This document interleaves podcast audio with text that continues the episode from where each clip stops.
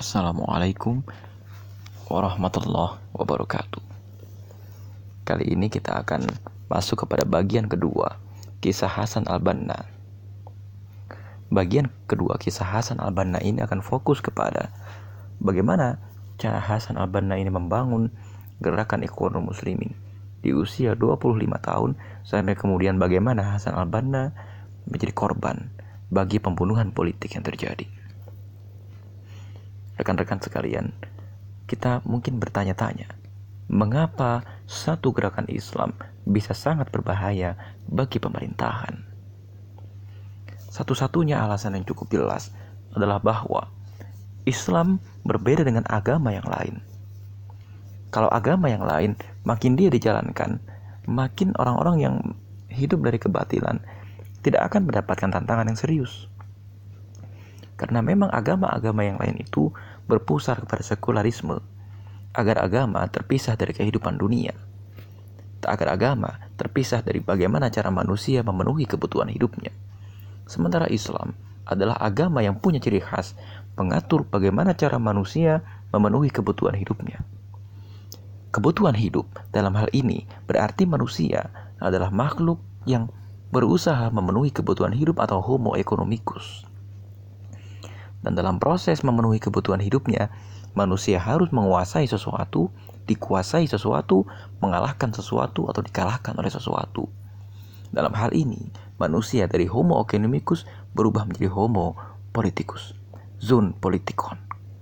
Binatang yang berpolitik, ini kalau kata bahasa orang-orang barat. Nah, Ikhwanul Muslimun Hasan al-Banna membangkitkan pemahaman orang Islam bahwa agamanya tidak hanya mengatur pada persoalan etika-etika antar manusia, tapi juga mengatur etika-etika antar kelompok manusia. Jadi, pada bagian sebelumnya kita membahas bahwa Hasan al-Banna sampai bisa mendirikan satu kantor cabang di Ismailiyah. Dan Hasan al-Banna kemudian masih dengan pekerjaannya sebagai guru SD Hasan al-Banna ini kemudian dipindahkan pekerjaannya ke Kairo mengajar SD. Jadi kita tidak mendapatkan data siapa saja rekan-rekan mengajar atau siapa saja murid-murid Hasan al-Banna pada saat itu di SD. Tapi kemudian di Kairo inilah Hasan al-Banna membeli sebuah ruko ya yang mana di ruko ini di lantai duanya Hasan al-Banna itu mengembangkan dakwah Ikhwanul Muslimin bergabunglah orang-orang hebat ke sini dan kemudian Hasan al-Banna itu membuka cabang bagi gerakan mahasiswa. Karena sebelumnya Ikhwanul Muslimin itu bukan gerakan mahasiswa. Ikhwanul Muslimin itu gerakan sosial, suatu gerakan ekonomi, suatu gerakan masyarakat yang tidak berfokus kepada mahasiswa, tidak juga fokus kepada politik, tapi fokus Hasan al-Banna kepada pembangunan masyarakat. Dan kemudian pada tahun 1933 Kira-kira sekitar lima tahun setelah didirikan. Hasan al-Banna itu menggelar muktamar mahasiswa politik, ya muktamar mahasiswa. Kemudian di sini Hasan al-Banna itu membangun cabang gerakan mahasiswa. Dalam muktamar itu ada beberapa hasil. Gerakan mahasiswa Ikhwanul Muslimin ini dimulai dari bergabungnya enam orang mahasiswa dan kemudian mendirikan cabang kemahasiswaan dari gerakan Ikhwanul Muslimin. Selama lima tahun ini, tampaknya gerakan Ikhwanul Muslimin itu terus melebarkan sayapnya dan terus melebarkan sayapnya. Bagaimana Hasan al-Banna bisa membangun hal yang semacam ini? Pertama-tama, Hasan al-Banna tampaknya tidak menggelapkan atau tidak menyamarkan apa tawarannya kepada masyarakat. Pada tahun 1934, Hasan al-Banna mendirikan satu majalah namanya majalah Al-Ikhwanul Muslimun. Di Hasan al-Banna itu sadar bahwa kehumasan atau propaganda dalam hal ini memegang peranan penting dalam dakwah Islamiyah. Hasan al-Banna menulis sebuah risalah kepada apa kami menyeru manusia atau dalam bahasa Arab gitu ya kepada apa kami menyeru manusia ila ayyi syai'in nad'un nas nah, jadi kepada apa kami menyeru manusia? Di sini Hasan al-Banna menerangkan sikap-sikap ikhwanul muslimin satu itu kepada politik itu bagaimana, yang kedua memahami Al-Quran itu harus bagaimana, dan yang ketiga harus memahami masyarakat itu bagaimana, Yang keempat, bagaimana umat Islam harus mengarahkan tujuan hidupnya. Lalu Hasan al-Banna pada tahun 1934 itu juga merumuskan bagaimana manusia itu hidup. Di antaranya, hendaklah engkau berbangga diri karena telah berafiliasi kepada Allah. Dan seterusnya dan seterusnya.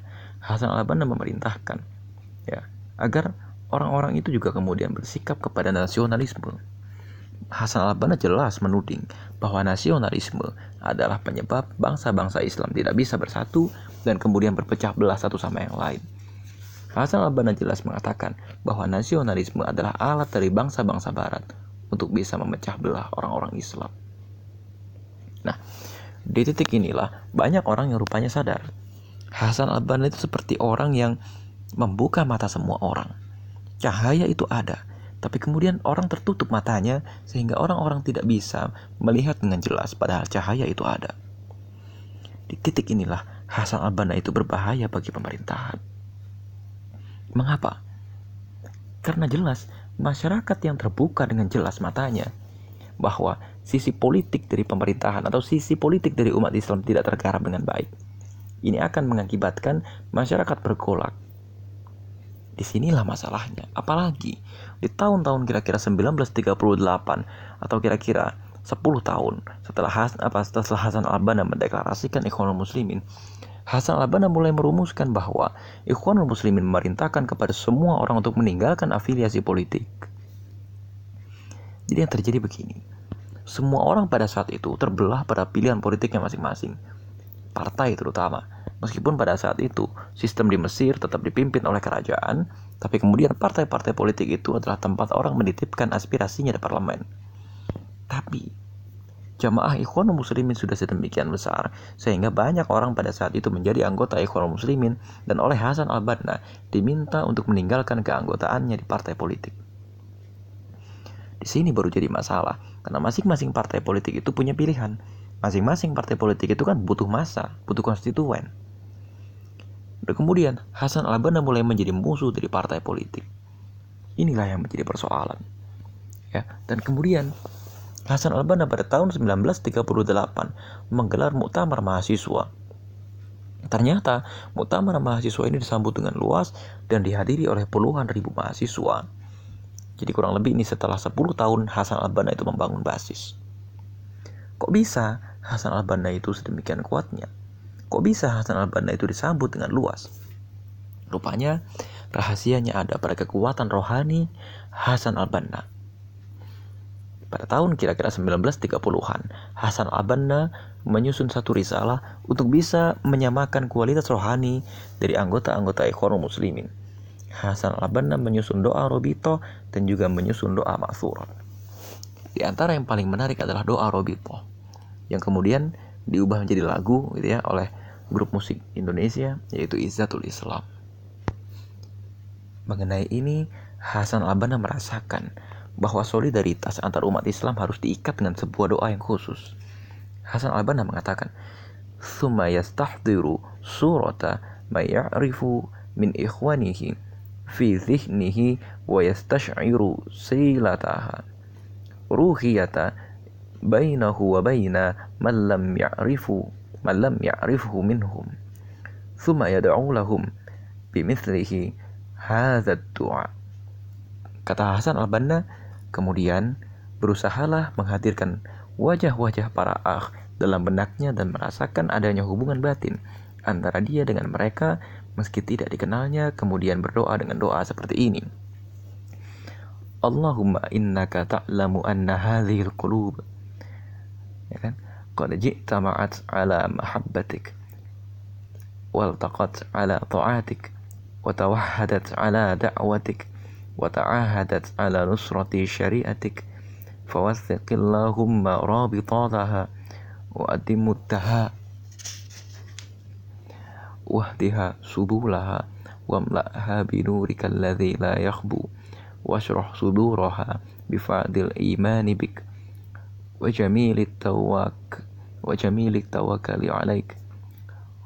وأحيها بمعرفتك وأمتها على fi sabilik. Innaka ni'mal maula wa ni'man nasir. Allahumma amin. Wa sallil wa sallil humma wa sallillahumma ala sayyidina Muhammad wa ala alihi wa sahbihi wa sallim. Dan seterusnya dan seterusnya. Ya kata ini doanya masih agak panjang gitu ya. Dan jadi memang Hasan Albani itu sangat peduli dengan kekuatan rohani ikatan para anggota ikhwan muslimin sangat kuat. Sebab ini. Yang kemudian Hasan Albana menciptakan sesuatu yang lain. Yaitu Nizamul Usar. Ya Nizamul Usar ini tercipta ketika pada tahun 1938 itu Hasan Albana dianggap berbahaya oleh pemerintah dan diminta untuk menutup semua kegiatan-kegiatan ikhwanul muslimin.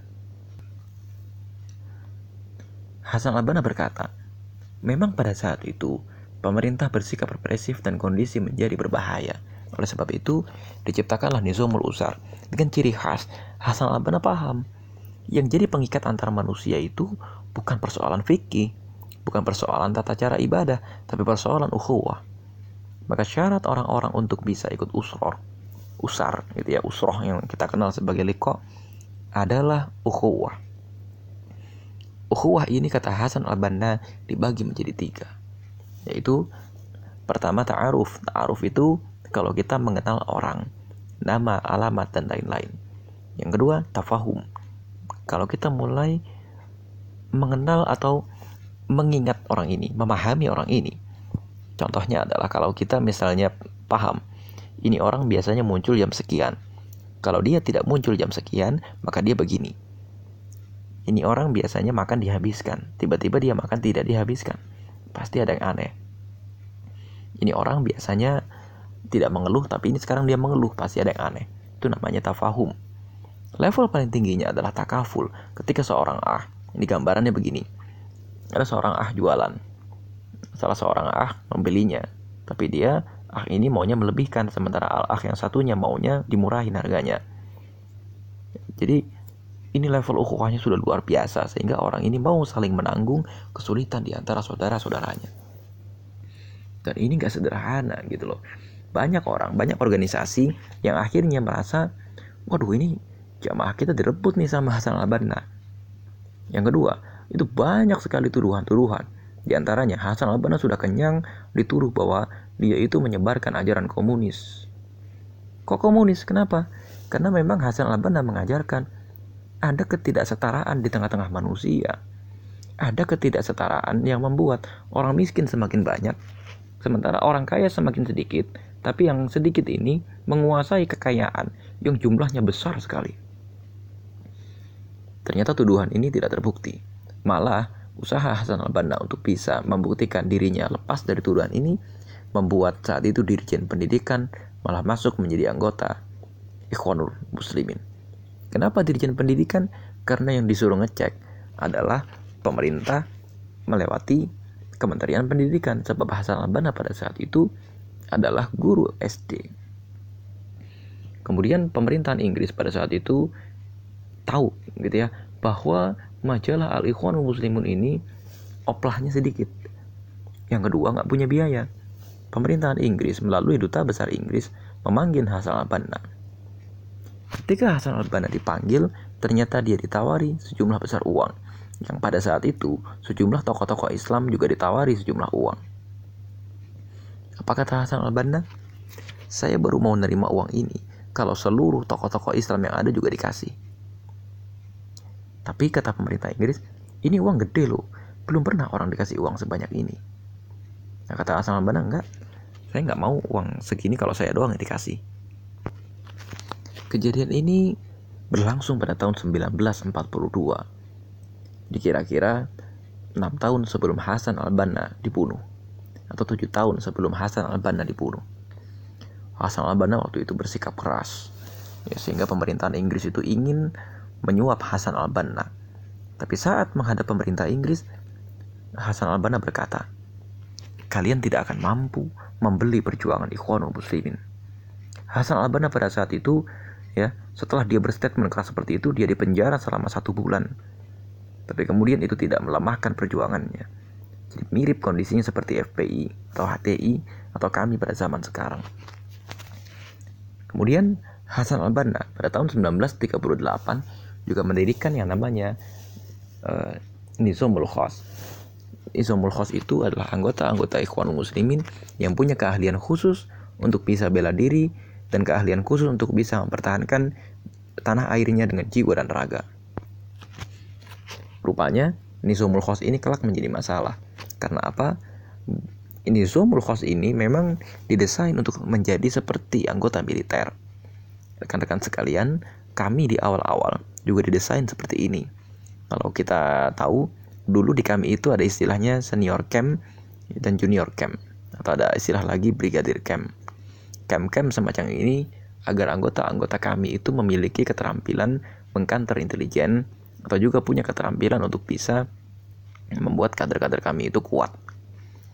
Nah, tapi justru di sinilah titik masalahnya pemerintahan itu merasa ini Hasan al-Banna terlalu radikal. Hasan al-Banna dengan jumlah pengikut yang banyak, dia ternyata mampu ya membuat ribuan pengikutnya berdemonstrasi setiap saat untuk menentang bagaimana kekuatan-kekuatan kebatilan itu menyerang pemerintahan Mesir.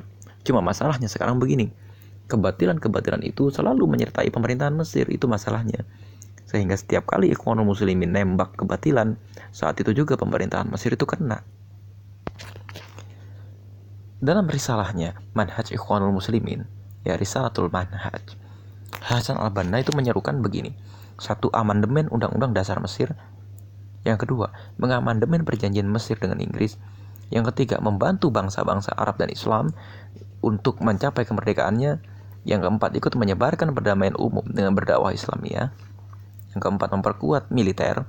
Yang keenam, mengingatkan bangsa ini akan keagungan dan kebesaran masa lalu dengan mengarahkannya kepada tujuan-tujuan nasional yang luhur ya dan kemudian secara aspek manajerial administratif ada sembilan tuntutan ya sembilan tuntutan ini salah satunya adalah menentukan para pegawai sesuai dengan bidang keahliannya meminimalisir perbedaan dan mengistimewakan profesi agar umat menerima pekerjaan-pekerjaan lepas dan lain-lain banyak sekali dan tuntutan-tuntutan semacam inilah yang kemudian menyebabkan Hasan al-Banna itu dikatakan radikal.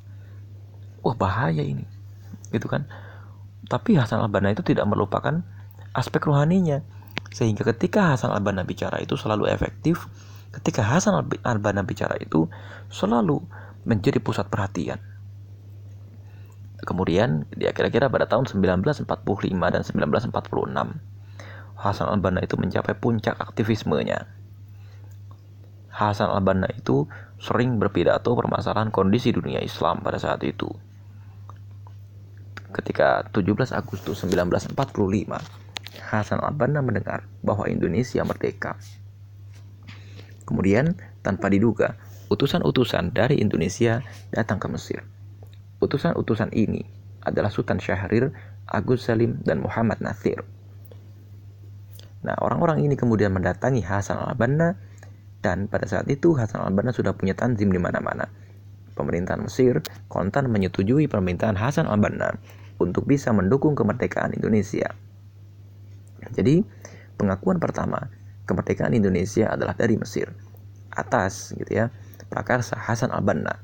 Karena pengakuan sebuah negara itu penting untuk sebuah negara itu bisa dikatakan merdeka. Yang kedua, pada saat itu telah meletus perang gitu ya antara dunia Arab dengan Palestina Israel pada saat itu nah Hasan al-Banna itu punya tanzim di Palestina dan kemudian tanzimnya ini namanya Hamas pemerintahan Palestina inilah yang kemudian pertama kalinya menyiarkan pengakuannya secara global melalui radio jadi pengakuan pertama diberikan oleh Arab Saudi eh, pengakuan pertama diberikan oleh negeri Mesir dan kemudian pengakuan secara luas, secara terbuka ke publik diakui pertama kalinya oleh Palestina bagi kemerdekaan Indonesia. Jadi peran atau sumbang sih Hasan al-Banna itu besar. Ya. Sehingga memang hubungannya dengan kita itu kuat sekali. Nah, inilah yang kemudian jadi masalah bagi penjajahan barat. Ini bahaya banget ini Hasan al-Banna ini. Maka kemudian diaturlah berbagai konspirasi banyak sekali tuduhan-tuduhan kepada Hasan al-Banna tapi kemudian tuduhan ini tidak terbukti. Dan kemudian di mana-mana Hasan al-Banna menerima ancaman pembunuhan. Tapi Hasan al-Banna tidak bergeming. Sampai suatu kali, kader Ikhwanul Muslimin ada yang tidak sengaja membunuh seorang pejabat tinggi pemerintahan. Namanya adalah Anukroshi Pasha. Anukroshi Pasha ini adalah seorang pemerintahan, seorang pejabat tinggi pemerintahan yang sering kali menentang Islam. Sebenarnya bukan menentang Islam, dia ini cukup soleh. Tapi dia ini sering kali menentang ikhwanul muslimin. Ketika Hasan al-Banna di penjara, ya orang-orang ini anggota-anggota ikhwanul muslimin, terutama yang asalnya dari Nizamul Khos itu marah. Sehingga ketika Hasan al-Banna dibebaskan dan lain-lain, Anggota-anggota Nizamul Khos ini mencari kesempatan kapan bisa membunuh Nukrosi Pasha ini. Akhirnya, Nukrosi Pasha ditembak. Hasan al-Banna di sini pusing. Ya, satu kesaksian mengatakan ketika Hasan al-Banna mendengar kabar anggota Nizamul Khos itu membunuh Nukrosi Pasha, Hasan al-Banna datang ke kantor Ikhwanul Muslimin dengan wajah yang kusut dan kemudian mengacak-acak rambutnya pusing Hasan al-Banna. Kenapa? Karena Hasan al-Banna tahu bahwa ini akan berakibat buruk. Nah di sinilah kemudian Hasan al-Banna sebetulnya mengetahui resiko dari perjuangan. Bahwa kelak perjuangan ini akan memakan korban jiwa. 1949 saat itu Hasan al-Banna diajak berunding oleh pemerintah. Perundingan ini akan diadakan di sebuah tempat di kantor Syubhanul Muslimun di lantai dua. Dan Hasan al-Banna malam itu curiga. Mengapa di jalan atau di tempat saat itu diadakan perundingan tidak ada kendaraan umum yang lewat? Mengapa saat itu di tempat itu sepi sekali? Dan kenapa perwakilan pemerintahan yang dijanjikan datang di markas Syubhanul Muslimun pada saat itu tidak juga datang? Terlambat Hasan al-Banna akhirnya menyadari bahwa ternyata ia sedang ditipu. Hasan al-Banna lalu menyetop sebuah taksi. Dan kemudian ketika taksi itu berjalan, sebuah mobil hitam mencegat taksi Hasan al-Banna. Dan kemudian menembaki taksi itu dengan brutal.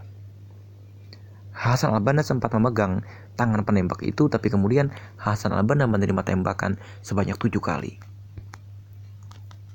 Hasan al-Banna kemudian keluar dari mobil dan mobil hitam itu pergi. Hasan al-Banna kemudian sempat naik ke atas lantai dua markas Syuban Muslimun dan mencoba menelepon tapi panggilan tak juga diangkat. Hasan al-Banna akhirnya dipapah oleh saudaranya menuju ke rumah sakit yang jauhnya itu kira-kira 7 km. Dan di situ orang-orang ramai. Ada apa ini? Kenapa rumah sakit tiba-tiba menjadi ramai? Ya, apakah ada toko besar yang ditembak? Tapi kemudian orang-orang mengatakan Hasan al-Banna yang ditembak. Hebohlah orang-orang. Tapi sampai dua hari ke depan, ternyata Hasan al-Banna tidak mendapatkan pengobatan. Dan penyebab kematian Hasan al-Banna adalah kehabisan darah. Karena dokter-dokter di rumah sakit itu dilarang untuk merawat Hasan al-Banna. Hasan al-Banna hanya dibiarkan saja, tidak diberikan perawatan. Karena kalau dokter memberikan perawatan, maka ia akan dibunuh. Inilah kisah akhir dari Hasan al-Banna. Saat Hasan al-Banna dibunuh itulah gerakan Ikhwanul Muslimin sebetulnya sudah dibekukan. Tidak boleh lagi mengadakan aktivitas. Dan inti dari perjuangan Hasan al-Banna adalah membangkitkan kembali giroh umat Islam yang tertidur. Ini yang kemudian tidak pernah dilihat oleh ulama-ulama pada zaman sekarang. Ulama zaman sekarang itu rata-rata fokusnya hanya pada persoalan akidah hanya pada persoalan fikih dan lain-lain. Tapi jarang orang yang fokusnya kepada masalah giroh. Teori-teori akidah, teori-teori fikih bisa didapat di buku. Tapi masalah giroh, masalah semangat berjuang, masalah mengingkari kemungkaran, masalah memberantas kebatilan, hanya bisa didapatkan melalui perjuangan nyata. Inilah yang kemudian menyebabkan gerakan Ikhwanul Muslimin menjadi berbahaya. Dan inilah kenapa kami itu mencontoh gerakan Ikhwanul Muslimin. Kalau rekan-rekan melihat dalam kredo gerakan kami, bukankah kredo gerakan kami itu istimewa karena membuat orang bangkit dari tidur panjangnya dan kemudian mau mengadvokasi kondisi umat Islam yang sekarang sedang lemah? Kami adalah orang-orang yang berpikir dan bertindak merdeka. Kami adalah orang-orang yang piawai. Kami dan lain-lain. Bukankah gerakan ini sesungguhnya istimewa? Dan inilah kebesaran Hasan al-Banna. Allah Assalamualaikum warahmatullahi wabarakatuh.